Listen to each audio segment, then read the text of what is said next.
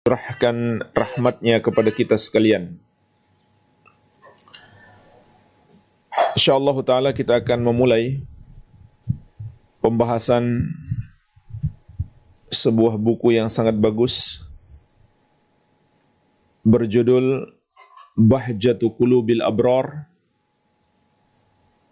wa Qurratu Uyunil Akhyar fi syarhi Jawami'il Akh fi syarhi Jawami'il Akhbar yaitu sebuah kitab yang berisi tentang hadis-hadis pilihan yang berkaitan dengan ajaran-ajaran Islam yang paling penting. Dipilihkan dan dijelaskan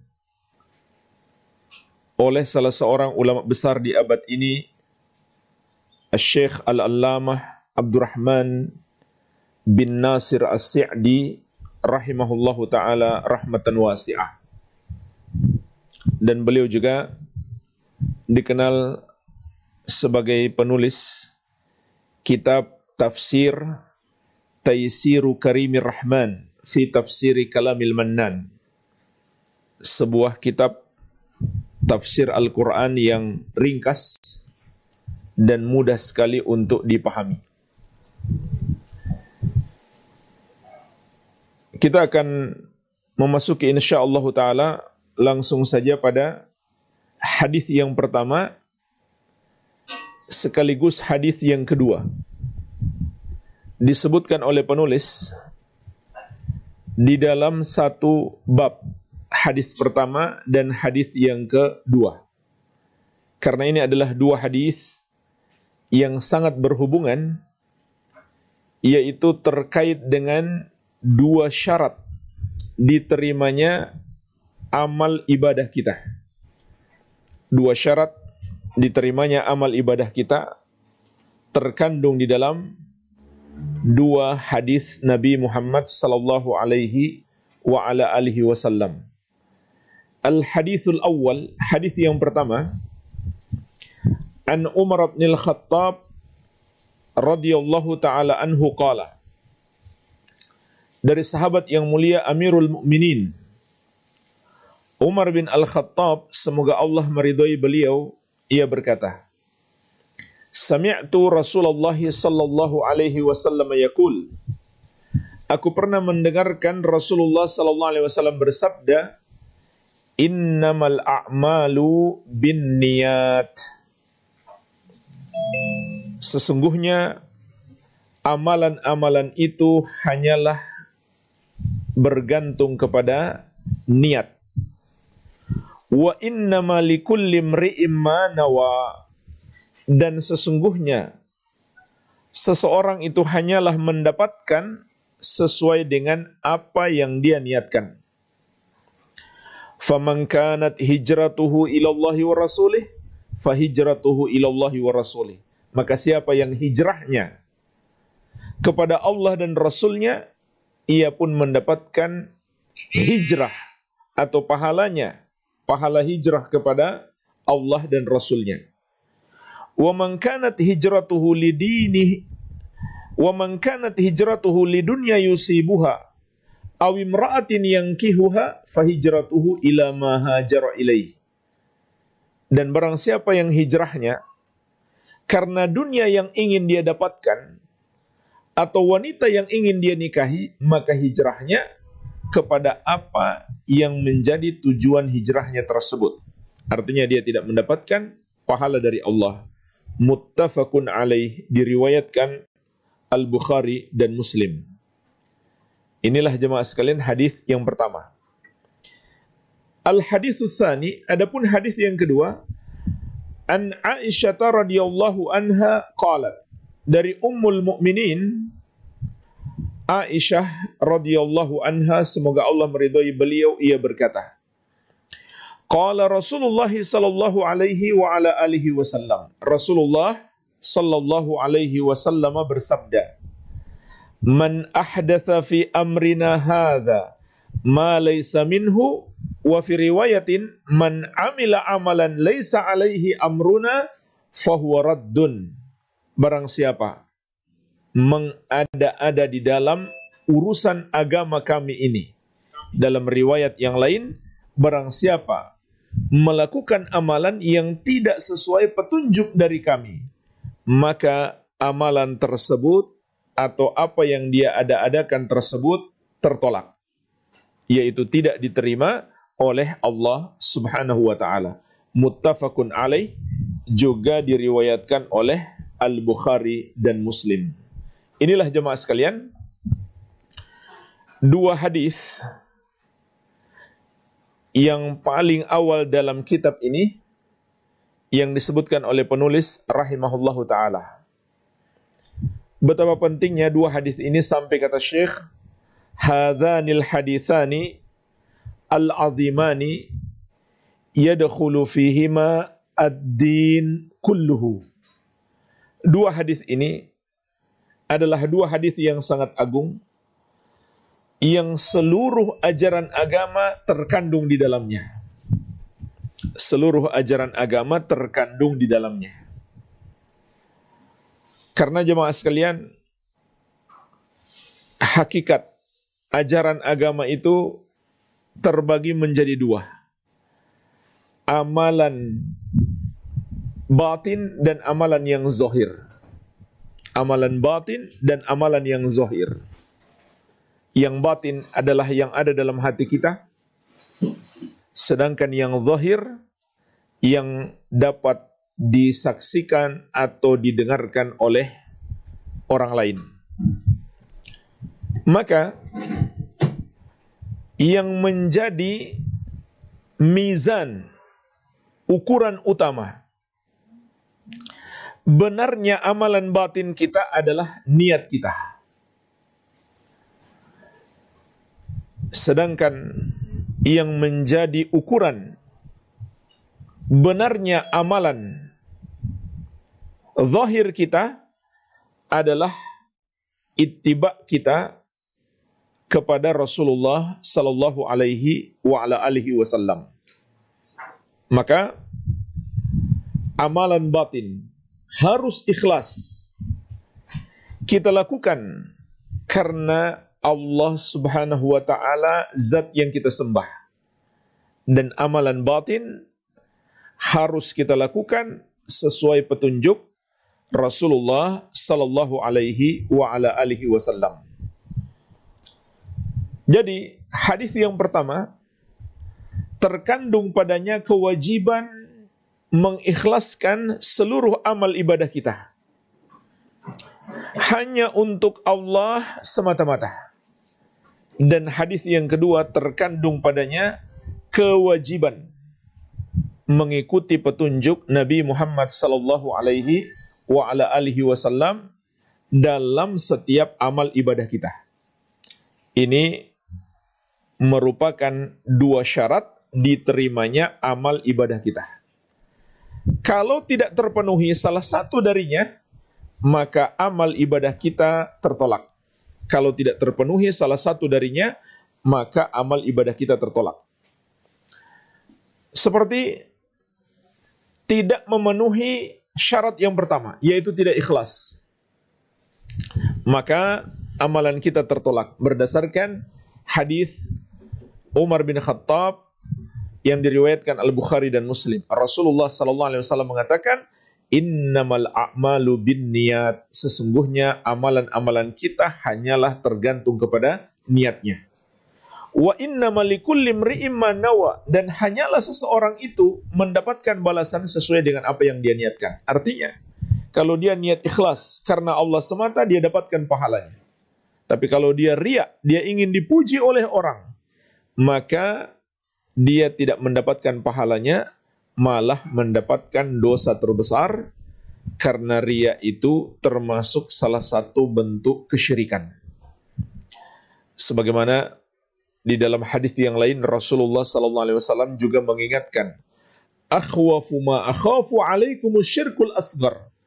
Yang paling aku takutkan menimpa kalian adalah syirik kecil. Maka beliau ditanya, "Ya Rasulullah, apa itu syirik kecil?" Kata beliau, "Itulah riya." Kenapa jemaah sekalian ria itu disebut syirik kecil? Karena orang yang ria itu niat ibadahnya yang utama masih untuk Allah. Lalu ada tercampur sedikit keinginan agar dipuji oleh orang. Maka riaknya itu hukumnya adalah syirik kecil. Karena niat utamanya untuk ibadah. Karena Allah. Tapi ada tercampur sedikit niat untuk dipuji orang. Maka disebut riak syirik kecil. Namun jemaah sekalian, kalau faktanya keinginan dia beribadah itu semata-mata untuk dipuji orang, atau itulah keinginan utamanya, bukan untuk mencari keridoan Allah sama sekali, atau mencari keridoan Allah hanya sedikit sekali, maka saat itu riaknya menjadi syirik besar. Walaupun para ulama mengatakan, riak yang syirik besar ini hampir-hampir tidak terjadi kecuali pada orang-orang munafik. Sebagaimana di surat An-Nisa Allah berfirman tentang sifat solat orang munafik. Wa idza qamu ila salati qamu kusala yura'una nasa wa la illa qalila dan apabila mereka berdiri untuk salat mereka berdiri malas-malasan. Mereka ingin riak menampakkan amal ibadah mereka kepada manusia agar manusia memuji mereka. Dan mereka tidak ingat Allah kecuali sedikit. Jadi Allah sebutkan dalam ayat ini tiga sifat solat orang munafik. Yang pertama malas-malasan. Rasulullah SAW juga pernah menyebutkan dalam hadis mereka suka menunda-nunda waktu solat. Mereka suka menunda-nunda waktu solat. Setelah mereka berdiri untuk sholat, mereka berdiri malas-malasan. Yang kedua kata Allah, mereka hanya ingin riak. Yaitu mempertontonkan amalan mereka untuk mendapatkan pujian manusia semata-mata. Semata-mata itu yang mereka harapkan. Maka itu adalah syirik besar. Dan yang ketiga, mereka tidak ingat Allah kecuali sedikit. Yaitu mereka tidak khusyuk dalam solatnya. Ini sifat solat orang munafik. Apa bedanya jemaah sekalian? Riak yang syirik kecil dan riak yang syirik besar. Riak yang syirik kecil menghapuskan amalan yang menyertainya. Sedangkan riak yang syirik besar menghapuskan seluruh amalan. Sebagaimana Allah ingatkan juga di surat Az-Zumar ayat ke-65, la in asyrakta la amaluka. Kalau kamu berbuat syirik, maka terhapuslah amalanmu. Dan hakikat ikhlas itu sudah mencakup makna menjauhi syirik besar dan syirik kecil. Jadi memurnikan ibadah hanya untuk Allah semata-mata dan meniatkan ibadah itu hanya karena Allah, itu sudah tercakup dalam makna ikhlas. Jadi ikhlas itu lawannya adalah syirik besar dan syirik kecil. Sehingga jemaah sekalian, orang yang mempersembahkan ibadahnya kepada selain Allah, berarti dia tidak ikhlas. Itu syirik besar. Dan orang yang beribadah kepada Allah, tapi dia niatkan supaya dipuji oleh orang, dia juga tidak ikhlas. Dan itu adalah syirik kecil. Kalau niat, sekali lagi, kalau niat dipuji orangnya, itu hanya sedikit, tidak mendominasi niatnya. Tapi kalau mendominasi niatnya, semata-mata dia ibadah untuk dipuji orang, bukan karena Allah sama sekali, maka itu menjadi syirik besar, itulah riaknya orang-orang munafik. Baik, jadi jemaah sekalian, ini syarat diterimanya amal ibadah kita yang pertama. Harus ikhlas karena Allah. Tidak boleh ada tercampur sedikit pun dengan syirik. Tetapi kita harus ingat, syarat diterimanya ibadah belum cukup niat yang baik. Seringkali kita mendengarkan orang-orang berkata, yang penting niatnya baik, yang penting nawaitunya kata mereka. Belum cukup jamaah sekalian. Harus dipenuhi syarat yang kedua, yaitu caranya sesuai dengan petunjuk Nabi Muhammad sallallahu alaihi wa ala alihi wasallam. Yaitu caranya harus benar. Niat yang baik saja belum cukup tanpa disertai dengan cara yang benar. Cara yang benar adalah mengikuti petunjuk Nabi Muhammad sallallahu alaihi wa ala alihi wasallam. Ini sudah menjadi ketetapan Allah. Ini sudah menjadi ketetapan Allah. Amal-amal ibadah kita Allah persyaratkan untuk diterima oleh Allah harus sesuai petunjuk Nabi Muhammad sallallahu alaihi wa ala alihi wasallam. Kalau kita melakukan ibadah yang tidak sesuai petunjuk Nabi Muhammad wasallam, maka Allah telah menetapkan melalui lisan Rasulnya wasallam di dalam hadis yang mulia ini amal tersebut tertolak. Hadisnya sangat jelas. Man ahdatha fi amrina hadza ma laysa minhu fahuwa raddun. Kata Nabi wasallam, barang siapa mengada-adakan, membuat-buat cara ibadah yang baru atau cara beragama yang baru dalam agama kami ini yang tidak berasal darinya, maka itu tertolak. Dalam riwayat yang lain, man amila amalan laisa alaihi amruna fahuwa raddun. Barang siapa mengerjakan satu amalan tidak ada padanya petunjuk dari kami, maka amalan tersebut tertolak. Jadi jemaah sekalian, nggak ada gunanya. Capek-capek kita beramal, walaupun niat kita sudah ikhlas, namun tidak sesuai petunjuk Nabi Muhammad SAW, maka amal kita tertolak. Begitu pula sebaliknya, walaupun sudah sesuai petunjuk Nabi Muhammad SAW, namun tidak ikhlas, maka amal kita juga tertolak. Jadi harus dipenuhi dua syarat ini. Dan di sini Syekh juga menyebutkan Syekh juga menyebutkan jemaah sekalian peringatan di dalam Al-Qur'an tentang amalan yang tertolak karena tidak memenuhi syarat. Di surat Al-Furqan ayat ke-23 Allah mengatakan, "Wa qadimna ila ma 'amilu min 'amalin faja'alnahu haba'am mansura." dan kami hadapi kata Allah amalan-amalan yang telah mereka kerjakan lalu kami jadikan amalan-amalan mereka bagaikan debu-debu yang berterbangan jadi ayat ini mengingatkan kita jemaah sekalian ada orang-orang yang menghadap Allah dia membawa bekal dia punya amalan tapi Allah jadikan amalannya hanya bagaikan debu-debu yang berterbangan artinya amalannya tertolak, tidak bernilai di sisi Allah Subhanahu wa taala. Ini yang perlu kita takutkan jemaah sekalian.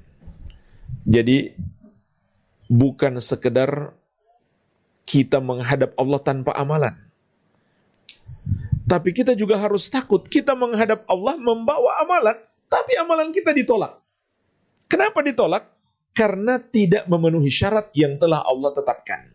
Karena tidak memenuhi syarat yang telah Allah tetapkan. Kemudian Syekh juga menyebutkan dua dalil dalam Al-Quran yang mencakup dua syarat ibadah ini. Dua dalil dalam Al-Quran yang disebutkan di dalam kitab ini yang mencakup dua syarat ibadah ini. Yang pertama, surat An-Nisa ayat 125. Allah Subhanahu wa taala berfirman, wa man ahsanu dinam mimman aslama wajahahu lillahi wa muhsin. Perhatikanlah jemaah sekalian kata Allah dan siapakah yang lebih baik agamanya dari orang yang berserah diri kepada Allah dalam keadaan berbuat ihsan. Ini ayat yang luar biasa menjelaskan kepada kita dua syarat ibadah ini. Kata Allah, siapa yang lebih baik agamanya? Daripada orang yang mengamalkan dua hal.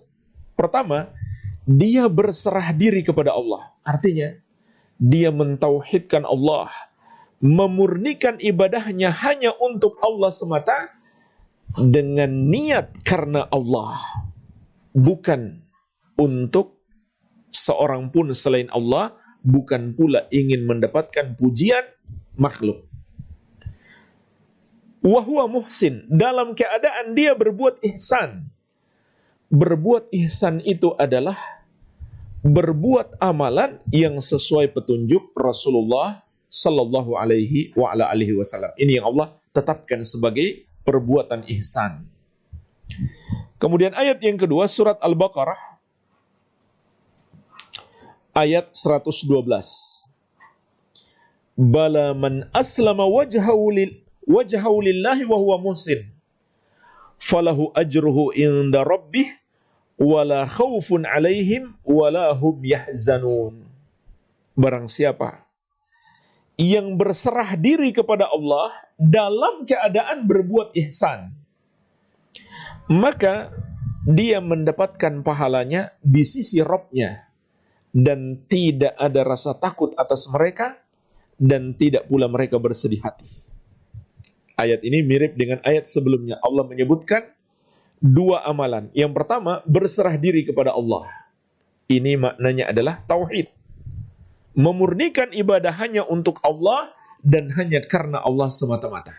Menjauhi syirik besar maupun syirik kecil.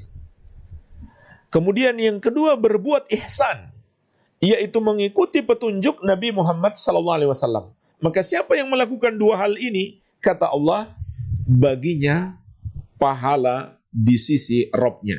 Artinya siapa yang tidak memenuhi dua syarat ini dia tidak akan mendapatkan pahala. Kemudian dalam ayat ini juga Allah sebutkan keutamaan mereka wala khaufun alaihim wala hum yahzanun. Mereka tidak merasa takut dan tidak bersedih hati. Tidak merasa takut dan tidak bersedih hati. Maknanya jemaah sekalian, di akhir hayat mereka maka tatkala manusia umumnya merasa takut saat berhadapan dengan sakaratul maut. Karena sakaratul maut, sakaratul maut itu sangat dahsyat dan lebih dahsyat lagi apa yang akan terjadi setelah sakaratul maut. Ini yang perlu kita pahami dengan baik jemaah sekalian. Sebenarnya dahsyatnya sakaratul maut itu bisa jadi tidak ada apa-apanya kalau dibandingkan dengan apa yang akan terjadi setelah sakaratul maut, yaitu azab yang lebih pedih di alam kubur, di alam barzakh. Maka manusia ketika itu pun merasa gentar, merasa takut. Tapi Allah mengatakan, orang yang mentauhidkan Allah, yang melakukan ibadah dengan ikhlas dan mengikuti petunjuk Nabi Muhammad SAW, Allah hilangkan rasa takut mereka tersebut. Kenapa? Karena Allah berikan jaminan keamanan dari azab Allah. Ini makna ayat yang mulia ini. Kalau kita beribadah kepada Allah dengan memenuhi dua syarat ini, yaitu ikhlas karena Allah dan mengikuti petunjuk Nabi Muhammad SAW, maka di akhir hayat kita Allah akan hilangkan rasa takut kita.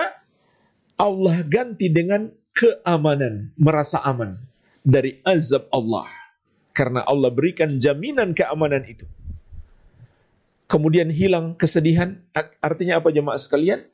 Yaitu hilang kesedihan karena berpisah dengan kehidupan dunia ini, terutama berpisah dengan orang-orang yang kita cintai. Kenapa? Karena Allah yang akan menjaga mereka. Subhanallah, ini luar biasa keutamaan orang yang beribadah kepada Allah dengan ikhlas dan mengikuti petunjuk Nabi Muhammad SAW. Dan jemaah sekalian, ayat-ayat lain juga sangat banyak yang menjelaskan dua syarat ini. Mungkin saya tambahkan sedikit lagi, yaitu surat Al-Kahfi ayat 110. Allah Subhanahu wa taala berfirman, "Faman kana yarju liqa' rabbih falyamal amalan salihah wala yushrik bi ibadati rabbih ahada. Maka barang siapa yang mengharapkan perjumpaan dengan Robnya, maksudnya perjumpaan dalam keadaan dirahmati kelak di hari kiamat. Hendaklah dia beramal soleh dan tidak mempersekutukan seorang pun dalam beribadah kepada Robnya. Perhatikan jemaah sekalian, Allah tetapkan dalam ayat ini juga dua syarat. Untuk berjumpa dengan Allah dalam keadaan dirahmati. Imam Ibn Kathir rahimahullah dalam tafsir beliau mengatakan, Wahadhani rukna al-amal al-mutaqabbal. Dua syarat untuk berjumpa dengan Allah dalam keadaan dirahmati juga merupakan dua rukun diterimanya amal kita. Dua rukun diterimanya amal kita. Apa itu? La buddha ayyakuna khalisan lillah. Amal kita harus ikhlas karena Allah. Sebab dalam ayat ini Allah mengatakan, wala yushrik bi'ibadati rabbih ahada. Janganlah seorang pun mempersekutukan dengan siapa saja makhluk itu dalam beribadah kepada Robnya. Janganlah seseorang mempersekutukan siapa pun dalam beribadah kepada Robnya. Dia harus menjauhi syirik. Dan orang yang ria, orang yang tidak ikhlas, termasuk orang yang melakukan kesyirikan. Sebagaimana telah kita jelaskan tadi. Bisa syirik besar, bisa syirik kecil. Kemudian kata Ibnu Katsir, syarat yang kedua sawaban ala syariati syariati Rasulullah sallallahu alaihi wasallam. Amal kita harus benar, yaitu sesuai syariat atau petunjuk Rasulullah sallallahu alaihi wasallam. Kenapa? Karena dalam ayat ini Allah mengatakan, "Falyamal amalan salihah." Hendaklah dia melakukan amal soleh. Dan disebut amal soleh kalau amalan kita sesuai petunjuk Nabi Muhammad sallallahu alaihi wa ala alihi wasallam. Kalau tidak sesuai petunjuk Nabi Muhammad sallallahu alaihi wasallam, itu disebut sebagai amalan yang tertolak. Sebagaimana dalam hadis Aisyah radhiyallahu anha yang telah kita sebutkan tadi. Hadis yang kedua. Kata Nabi sallallahu alaihi wasallam, "Man amila amalan laisa alaihi amruna fahuwa raddun." Barang siapa mengerjakan satu amalan, tidak ada padanya petunjuk dari kami, maka amalan tersebut tertolak. Kalau begitu itu bukan amal soleh. Kalau itu amal soleh, tentu tidak mungkin ditolak oleh Allah Subhanahu wa taala. Bahkan jemaah sekalian, para ulama juga mengatakan dua syarat amal ibadah ini adalah kandungan utama syahadat la ilaha illallah dan Muhammadur Rasulullah. Rukun Islam itu kan ada lima. Kenapa bagian yang pertama, rukun Islam yang pertama terdiri dari dua bagian. Tidak dipisahkan menjadi rukun pertama dan rukun kedua. Tapi disatukan dalam satu rukun. Rukun Islam yang pertama. Karena dua sebab jemaah sekalian. Pertama, karena Nabi Muhammad SAW hanyalah menyampaikan apa yang Allah wahyukan kepada beliau. Sehingga kita taat kepada Rasul berarti taat kepada Allah. Kita menentang Rasul berarti menentang Allah. Ini sebab yang pertama. Dan sebab yang kedua, karena di dalam dua kalimat syahadat tersebut terkandung dua syarat diterimanya amal ibadah kita. Kalau kita beribadah kepada Allah hanya dengan satu syarat saja, Allah tidak terima. Apalagi kalau dua syaratnya nggak terpenuhi. Satu syarat saja terpenuhi, Allah tidak terima. Keikhlasan, syarat yang pertama. Itulah kandungan makna la ilaha illallah. Makanya kalimat la ilaha illallah juga dinamakan kalimatul ikhlas. Hakikat la ilaha illallah adalah keikhlasan kita murnikan ibadah kita hanya untuk Allah, itu ikhlas. Dan kita niatkan semata-mata ingin mendapatkan ridho Allah, itu ikhlas. Kemudian, hakikat Muhammad Rasulullah terkandung di dalamnya ittiba peneladanan kepada Rasulullah sallallahu alaihi wasallam. Jadi, di dalam dua kalimat syahadat terkandung dua syarat diterimanya amal ibadah kita. Baik. Kemudian jemaah sekalian, Syekh menjelaskan sedikit rincian terkait dengan permasalahan niat dan permasalahan ittiba kepada Nabi sallallahu alaihi wasallam. Bagian yang pertama permasalahan niat. Jadi jemaah sekalian kata Syekh, amman niyah fahiyal qasdu lil amal taqarruban ila Allah wa talaban limardati wa thawabihi. Adapun niat itu adalah bermaksud mendekatkan diri kepada Allah tatkala kita beramal dan mencari keridoan Allah dan balasan darinya. Ini yang dimaksud dengan niat. Kemudian beliau juga menjelaskan dua cakupan niat yang beliau berikan istilah dengan niatul amal dan niatul ma'mul lahu. Niat amalan dan niat kepada siapa amalan itu ditujukan. Jadi ini dua macam niat. Terkandung, harus terdapat di dalam ibadah kita. Tatkala kita beribadah harus kita berniat dua hal ini. Niatul amal dan niatul ma'mul lahu. Niat beramal dan niat kepada siapa amal kita ditujukan. Apa yang dimaksud dengan niat beramal? Yaitu kita harus niatkan amalan kita ini amalan apa? Inilah yang membedakan antara satu amalan dengan amalan yang lain, juga membedakan amal ibadah dengan kebiasaan kita sebagai manusia. Contoh jemaah sekalian, membedakan amalan dengan amalan yang lain. Ketika kita melakukan sholat, apa yang membedakan antara satu solat dengan solat yang lain? Nomor satu yang dapat membedakan adalah niat. Zuhur dan asar bentuknya sama. Empat rakaat. Apa yang membedakan zuhur dengan asar? Niat kita. Di waktu zuhur kita harus niat sholat zuhur. Di waktu asar yang kita niatkan adalah sholat asar. Andai kita tidak berniat jemaah sekalian sesuai dengan ibadah yang harus kita lakukan, maka ibadah kita tidak sah. Walaupun karena lupa. Walaupun karena lupa. Misal jemaah sekalian ada orang kelupaan. Dia pikir sudah masuk waktu asar. Padahal baru waktu zuhur. Mungkin karena bangun tidur, kesadarannya belum penuh kembali.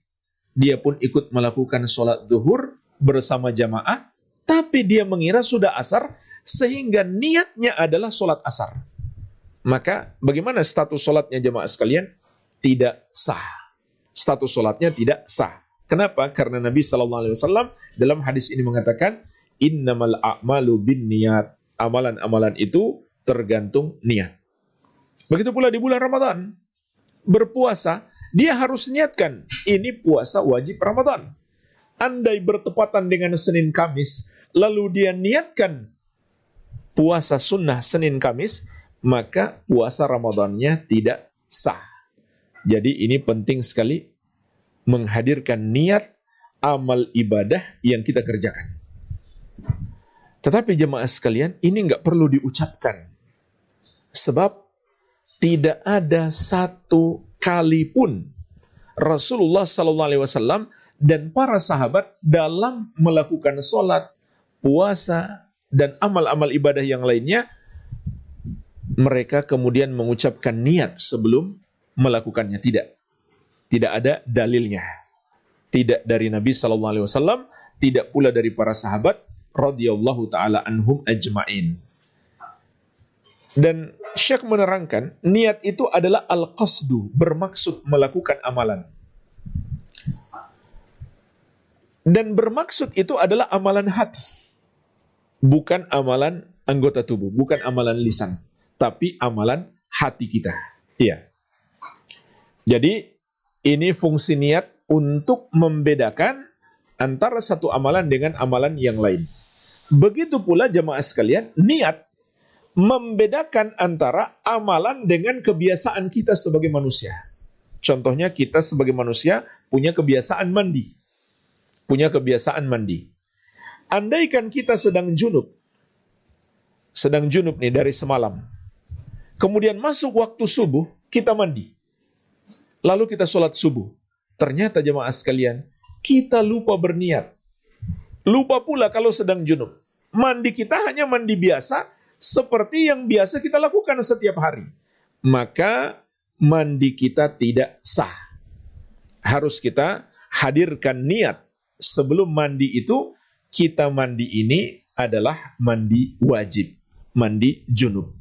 Jadi ini pentingnya niat. Ini yang disebut dengan niatul amal, niat beramal. Harus kita niatkan amalan yang kita lakukan tersebut. Jangan salah niat. Baik, ini yang pertama niat untuk membedakan satu amalan dengan amalan yang lain atau membedakan amalan dengan kebiasaan kita sebagai manusia. Kemudian jemaah sekalian, yang kedua, niatul ma'mul lahu. Kata Syekh, niat kepada siapa amalan kita ditujukan. Maka inilah yang masuk dalam pembahasan ikhlas kita tujukan niat kita semata-mata karena Allah Subhanahu wa taala. Dan ini yang dibahas dalam buku-buku akidah, buku-buku adab dengan Allah. Kalau yang pertama dibahas dalam buku-buku fikih. Jadi niat di sini tercakup dalam pembahasan fikih dan tercakup dalam pembahasan akidah. Kalau dalam pembahasan fikih itu bagian yang pertama. Kita niat dalam amalan kita. Untuk apa? Uh, amalan apa yang hendak kita lakukan? Apakah wajib atau sunnah? Apakah yang disyariatkan atau yang dimubahkan? Atau yang hukumnya mubah dalam syariat? Sedangkan yang kedua itu yang dibicarakan dalam buku-buku yang berbicara tentang keimanan. Bahwa amal ibadah kita haruslah kita niatkan ikhlas karena Allah semata-mata. Sebagaimana juga perintah Allah, Syekh menyebutkan surat Al-Bainah ayat kelima, ma umiru illa liya'budullaha mukhlisina lahuddina hunafa dan tidaklah mereka diperintahkan kecuali untuk beribadah kepada Allah dengan mengikhlaskan seluruh agama hanya untuk Allah. Agama yang dimaksud adalah ibadah. Mengikhlaskan ibadah kita hanya untuk Allah. Hunafa dalam keadaan hunafa menjauhi syirik. Hunafa itu artinya menjauhi kesyirikan. Juga surat Az-Zumar ayat ketiga, Ala lillahi dinul khalis. Ketahuilah, hanya milik Allah agama yang ikhlas. Agama yang dimaksudkan adalah amal ibadah kita harus ikhlas karena Allah semata-mata. Kata Syekh, "Wadzalika anna 'alal 'abdi an yanwiya niyatan kulliyah syamilah li umurihi li umurihi kulliha maqsudan biha wajh Allah wa taqarrub ilaih wa talaba thawabihi wa ihtisaba ajrihi wal khauf min iqabihi. Jemaah sekalian, di sini Syekh menjelaskan kepada kita cakupan ikhlas. Yaitu seorang meniatkan secara keseluruhan dan mencakup semua amal-amal ibadahnya. Apa yang dia niatkan? Maqsudan biha wajh Allah. Dia maksudkan amal-amal ibadah itu untuk mendapatkan wajah Allah. Wa taqarrub ilaih dan mendekatkan diri kepada Allah. Wa dan mencari balasannya. Wahtisaba ajrihi dan mengharapkan pahalanya. Wal khauf min iqabihi dan takut dari azabnya. Jadi ini cakupan ikhlas. Karena kalau kita baca dalam dalil-dalil syar'i, ikhlas itu datang dalam berbagai macam bentuk penyebutan.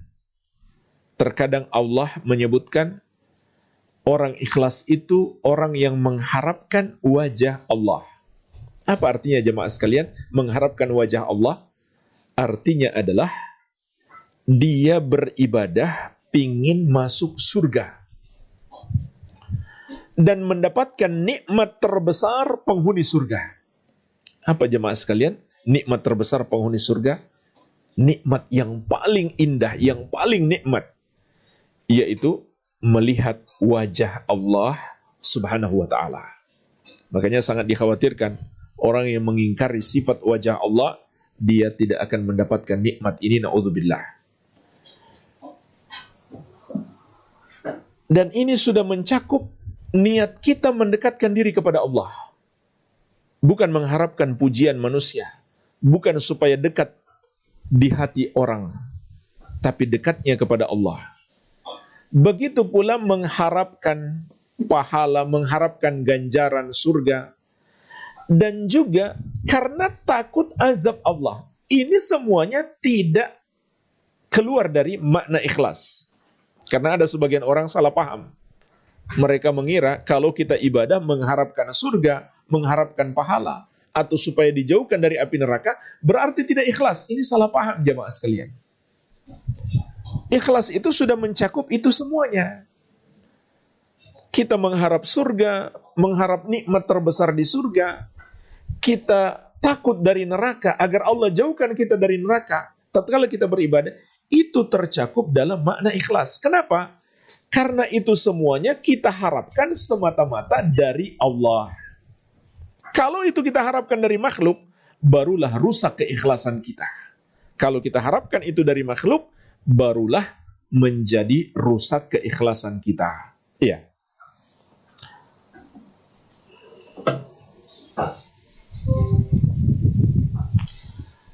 Dan jemaah sekalian, di sini Syekh juga memberi contoh hadis-hadis Rasulullah sallallahu alaihi wasallam tentang keikhlasan. Begitu pula ayat-ayat Allah dalam hadis yang kita bahas misalkan Nabi sallallahu alaihi wasallam memberikan contoh. Faman kanat hijratuhu ilallahi wa rasulih fahijratuhu ilallahi wa rasulih. Barang siapa yang hijrahnya kepada Allah dan rasulnya yaitu dia niat hijrah untuk taat kepada Allah dan rasulnya maka dia dapatkan pahala hijrah tersebut. Pahala hijrah kepada Allah dan rasulnya tapi sebaliknya, kata Nabi Sallallahu Alaihi Wasallam, wa man kanat hijratuhu lidunya yusibuha aw imra'atin yankihuha fahijratuhu ila ma hajara ilaih. Barang siapa yang hijrahnya karena dunia yang ingin dia raih atau wanita yang ingin dia nikahi, maka hijrahnya kepada apa yang dia tuju. Maksudnya dia nggak dapat pahalanya. Kalau itu semata-mata niatnya. Jadi ini contoh niat yang tercelah niat yang tidak ikhlas. Kalau niatnya bukan karena Allah, tapi karena dunia yang ingin dia dapatkan. Karena seorang wanita yang ingin dia raih. Dan yang paling parah adalah karena ingin pujian manusia saja. Nggak ada manfaat apa pun baginya. Tidak manfaat dunia, tidak pula manfaat akhirat. Contoh lain jemaah sekalian, dalam berperang di jalan Allah, berjihad di jalan Allah. Nabi Shallallahu Alaihi Wasallam pernah ditanya tentang orang yang berjihad karena keberanian atau karena ingin membela sukunya, bangsanya, negaranya saja, bukan karena agamanya, atau karena ingin terlihat dia sebagai seorang pemberani di medan perang. Maka Nabi Shallallahu Alaihi Wasallam ditanya, Ayyudzalika fi sabilillah? Di antara niat-niat tersebut, mana yang di jalan Allah? Fakal maka Nabi Shallallahu Alaihi Wasallam mengatakan, Man qatala litakuna kalimatullahi hiyal ulya fahuwa fi sabilillah. Barang siapa yang berjihad agar kalimat Allah menjadi tinggi, menjadi mulia agama Allah, maka itulah yang di jalan Allah. Jadi kalau dia semata-mata niatnya hanya karena keberaniannya, atau hanya karena bangsanya, sukunya, negaranya, atau supaya dia disebut pemberani, maka dia bukan jihad di jalan Allah. Tapi di jalan bangsanya, atau di jalan sukunya, atau di jalan dirinya sendiri, bukan di jalan Allah subhanahu wa ta'ala. Oleh karena itu jemaah sekalian, tatkala kita berjihad membela suatu bangsa, bukan semata-mata kita berasal dari bangsa itu. Tapi karena bangsa itu adalah bangsa kaum muslimin, itu juga niat yang benar. Karena Allah memerintahkan kita untuk membela kaum muslimin, membela agama Islam, agama Allah. Iya. Makanya jemaah sekalian sangat tercelah peperangan antara suku bangsa, peperangan antara negara. Apa yang mereka ributkan hanya masalah kekayaan, hanya masalah tanah. Bukan karena meninggikan agama Allah subhanahu wa ta'ala. Allah berikan contoh lain di dalam Al-Quran tentang orang yang bersedekah.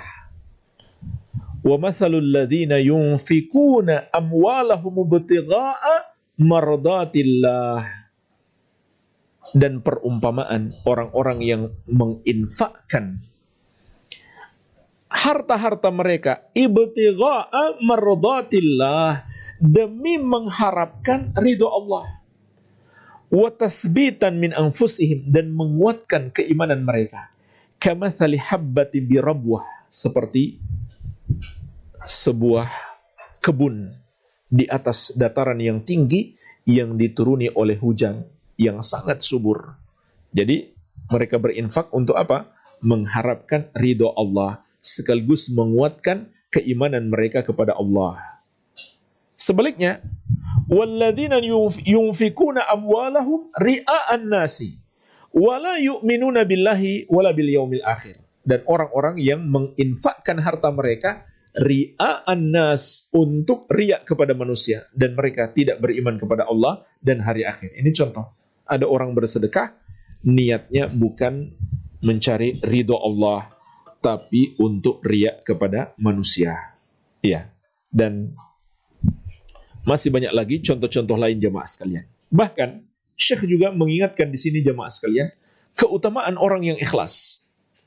Ketika niat kita ikhlas untuk melakukan satu amalan, maka kita telah mendapatkan pahalanya.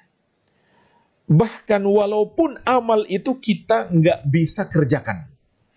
Contohnya, ada orang yang biasa melakukan amalan ya atau contohnya kita melakukan hijrah. Berpindah dari negeri kekufuran kepada negeri Islam. Tapi di perjalanan kita wafat belum tiba di negeri Islam maka kita sudah dapat pahalanya. Sebagaimana dalam surat An-Nisa ayat ke-100 Allah mengatakan wa may yakhruj min baytihi muhajiran ila Allah wa rasulih thumma yudrikhul maut faqad waqa'a ajruhu 'ala Allah dan barang siapa yang keluar dari rumahnya untuk berjihad afwan untuk berhijrah kepada Allah dan Rasulnya kemudian kematian mendapatinya kematian mendahuluinya maka pahalanya di sisi Allah telah dia dapatkan pahalanya di sisi Allah telah dia dapatkan. Jadi ini luar biasa pengaruh niat. Orang yang sudah berniat dan sudah usaha melakukannya walaupun belum terjadi, belum sempat dia mengamalkan, dia sudah dapat pahalanya. Begitu pula sabda Nabi sallallahu alaihi wasallam, "Idza maridul ab idza maridul abdu aw safara, kutiba lahu ma kana mukiman." seorang hamba apabila sakit atau melakukan safar, maka tetap ditulis pahalanya ketika dia melakukannya dalam keadaan sehat serta dalam keadaan mukim, tidak safar. Kenapa jemaah sekalian? Tetap ditulis pahalanya karena dia punya niat mengamalkannya. Subhanallah. Jadi misalkan jemaah sekalian, kita sudah biasa sholat tahajud. Kita sudah biasa sholat tahajud. Suatu malam karena sakit, kita nggak bisa sholat tahajud. Maka kita tetap dapat pahala sholat tahajud. Kenapa? Kita punya niat, cuma kita terhalang. Kita punya niat, cuma kita terhalang karena satu uzur. Ini luar biasa pengaruh niat. Begitu pula sabda Nabi Sallallahu Alaihi Wasallam, Inna bil Madinati aqwaman masirtum masiran wala qata'tum wadiyan illa kanu ma'akum ay fi niyatihim wa qulubihim wa thawabihim habasahumul udhur Sesungguhnya di kota Madinah, kata Nabi Sallallahu Alaihi Wasallam kepada para sahabat yang sedang di perjalanan untuk berjihad di jalan Allah. Kata Nabi Sallallahu Alaihi Wasallam, sesungguhnya di kota Madinah, kota yang kalian tinggalkan, ada orang-orang yang tidaklah kalian melalui satu jalan, tidaklah kalian menuruti satu lembah, menuruni satu lembah, kecuali mereka bersama kalian. Yaitu dengan niat dalam niat mereka, dalam hati mereka, dan pahala mereka sama dengan kalian. Kenapa? Karena mereka memiliki niat untuk ikut bersama kalian, namun mereka dihalangi oleh uzur. Jadi subhanallah jemaah sekalian, ini luar biasa pahala niat. Kita sudah berniat, tapi ada uzur menghalangi kita melakukan amal ibadah tersebut, maka pahalanya tetap kita dapatkan. Begitu pula kita berbuat baik kepada manusia. Kalau kita niatkan karena Allah, pahalanya semakin melimpah. Allah berfirman, La khaira fi kathirin min najwahum illa man amara bisadaqatin aw ma'rufin aw islahim bainan nas. Tidak ada kebaikan pada kebanyakan bisikan-bisikan atau pembicaraan mereka kecuali orang yang memerintahkan bersedekah atau melakukan yang ma'ruf atau memperbaiki hubungan di antara manusia yang retak. Maka kemudian kata Allah, "Wa may yaf'al dzalika batigha'a mardatillah fasawfa nu'tihi ajran. Barang siapa yang melakukan itu untuk mengharapkan ridho Allah, kami akan memberikan kepadanya pahala yang besar. Kami akan memberikan pahala yang besar kepadanya. Surat An-Nisa ayat 114. Begitu pula jemaah sekalian, tentang orang yang berhutang. Maka dia mendapatkan sesuai dengan niatnya. Perhatikan Nabi Wasallam mengatakan, "Man akhada amwalan nas yuridu adaaha addahallahu anhu." Barang siapa yang mengambil harta manusia, maksudnya berhutang. Dia berniat, dia ingin membayar hutangnya. Kelak dia akan membayar hutangnya. Maka Allah akan bayarkan hutangnya. Maksudnya Allah akan tolong. Jadi kita kalau terpaksa jemaah sekalian harus berhutang, maka hadirkan dalam niat kita hutang ini kelak akan kita bayar. Waman akhadaha yuridu itlafaha atlafahullah. Dan barang siapa yang berhutang, tapi dia inginkan sekedar merusak harta itu atau mempergunakannya tanpa membayar kembali, maka Allah akan merusaknya. Allah tidak akan membayarkan hutangnya. Jadi susah bayar hutang karena memang niatnya kurang bagus. Niatnya memang zolim, tidak mau membayar hutang. Jadi ini luar biasa pengaruh niat tersebut. Iya. Bahkan urusan-urusan dunia pun jamaah sekalian, urusan-urusan duniawi itu menjadi berpahala ketika niat kita baik. Contoh kita makan, minum, tidur, itu semua kan urusan dunia. Urusan yang hukumnya mubah. Kita lakukan tidak dapat pahala, kita tidak lakukan juga tidak dapat dosa. Itu mubah. Tapi jemaah sekalian, kalau kita hadirkan niat yang benar, niat yang baik, kita dapat pahala. Contohnya gimana?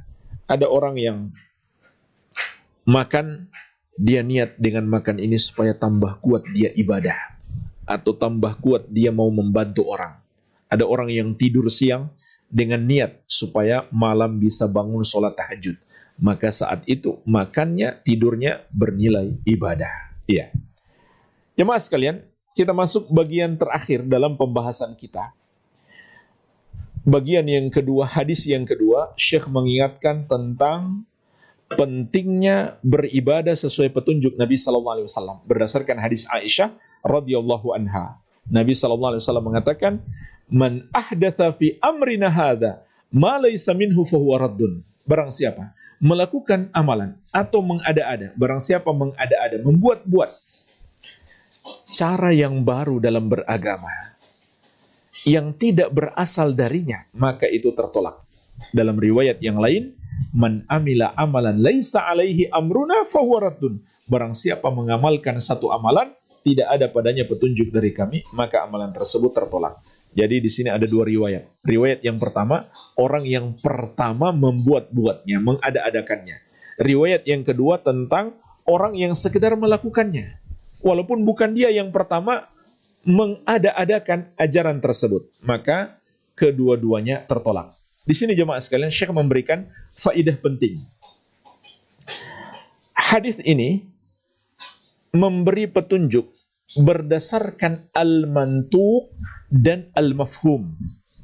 Kita bisa memetik pelajaran dari hadis ini berdasarkan al-mantuq yaitu lafaznya dan juga berdasarkan al-mafhum pemahaman dari lafaz itu. Maka berdasarkan mentuknya, lafaznya, hadis ini menunjukkan bahwa setiap bid'ah, setiap bid'ah, yaitu sesuatu yang diada-adakan tanpa berdasarkan dalil Al-Quran dan Sunnah, sama saja kata beliau, apakah bid'ah dalam ucapan atau bid'ah dalam akidah seperti bid'ahnya kaum Jahmiyah, Syiah dan Mu'tazilah. Ataukah bid'ah dalam amalan, yaitu cara-cara ibadah yang Nabi Shallallahu Alaihi Wasallam tidak pernah contohkan. Maka itu adalah amalan yang tertolak. Itu adalah akidah yang tertolak. Jadi jemaah sekalian, di sini Syekh memberikan kepada kita juga faidah bid'ah itu bisa mencakup dalam akidah, dalam hati kita, atau kemudian kita ucapkan apa yang ada dalam hati kita. Seperti contohnya, bid'ah kaum Jahmiyah, Syiah, dan Mu'tazilah. Apa contohnya jemaah sekalian? Bid'ah Jahmiyah, mereka yang pertama mengingkari sifat-sifat Allah terutama sifat-sifat zat Allah. Mereka tidak mau mengimani Allah misalkan istiwa di atas arsh. Ini tidak ada di zaman Nabi Muhammad SAW dan para sahabat orang yang mengingkari Allah di atas arsh. Tidak ada. Ini baru muncul saat kemunculannya Jaham bin Sufwan. Kepadanya lah dinisbatkan kelompoknya disebut Jahmiyah. Mereka tidak mau mengimani Allah di atas arsh. Padahal telah disebutkan dalam banyak ayat. Di antaranya surat Toha Ar-Rahman alal arsyistawa Allah yang maha penyayang istiwa di atas arsh. Tapi mereka menolak. Lalu mereka kemudian menjadi beda pendapat. Ada yang mengatakan Allah di mana-mana, ada pula yang mengatakan Allah tidak di mana-mana. Ini contoh bid'ah dalam ucapan yang berasal dari keyakinan mereka. Kemudian bagian yang kedua, bid'ah dalam amalan. Seperti cara-cara beribadah yang Nabi Muhammad SAW tidak contohkan. Dan ini sangat banyak. Kalau kita berikan contoh, sangat banyak. Maka secara mentuk, secara lafaz, hadis ini menunjukkan amalan bid'ah itu tertolak. Tidak diterima oleh Allah subhanahu wa ta'ala. Jadi jemaah sekalian, hadis ini mengingatkan kita agar menjauhi perbuatan bid'ah. Ditambah lagi hadis lain, Nabi Wasallam menegaskan, Iyakum wa muhdatsatil umur, fa inna kulla muhdatsatin bid'ah. Jauhilah oleh kalian setiap perkara-perkara baru dalam agama. Karena setiap yang baru dalam agama itu adalah bid'ah. Dan jemaah sekalian, hadis ini juga membantah sebagian orang ketika diingatkan masalah bid'ah, mereka selalu mengatakan, kalau begitu mobil juga bid'ah dong. Kalau begitu sholat di masjid, di masjidnya ada AC, ada pengeras suara muadzin atau digunakan juga oleh imam, itu menjadi bid'ah dong. Maka jemaah sekalian hadis ini membantah mereka. Karena Nabi SAW mengatakan, Man ahdatha fi amrina hada. Barang siapa mengada-ada dalam urusan kami ini. Dalam riwayat yang lain, fi dinina hadha. Dalam agama kami ini. Jadi bid'ah yang tercela, bid'ah dalam agama, bukan dalam urusan dunia. Bukan pula dalam sarana ibadah. Tapi dalam ibadah itu sendiri. Kita ibadah di masjid, pakai AC, muadzin menggunakan pengeras suara. Itu sarana ibadah bukan ibadah. Jadi yang terlarang bid'ah dalam ibadahnya. Hadis ini membantah pemahaman mereka. Iya. Ini secara bentuk, secara lafaz.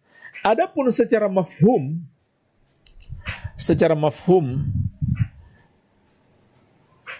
apabila amalan-amalan yang tidak sesuai petunjuk Nabi Muhammad SAW itu tertolak, maka sebaliknya jika akidah kita benar, amal kita benar sesuai petunjuk Nabi Muhammad SAW, baik itu yang wajib maupun yang sunnah, maka amalan kita diterima. Ini mafhumnya. Ini mafhumnya. Maka amalan kita diterima. Iya. Walhamdulillah, inilah penjelasan ringkas dua hadis yang pertama dan kedua sekaligus dari kitab Bahjatu Qulubil Abrar yang disusun oleh Fadilatul Syekh Al-Allamah Abdurrahman bin Nasir As-Sidi rahimahullahu taala. Semoga bermanfaat wabillahi taufiq.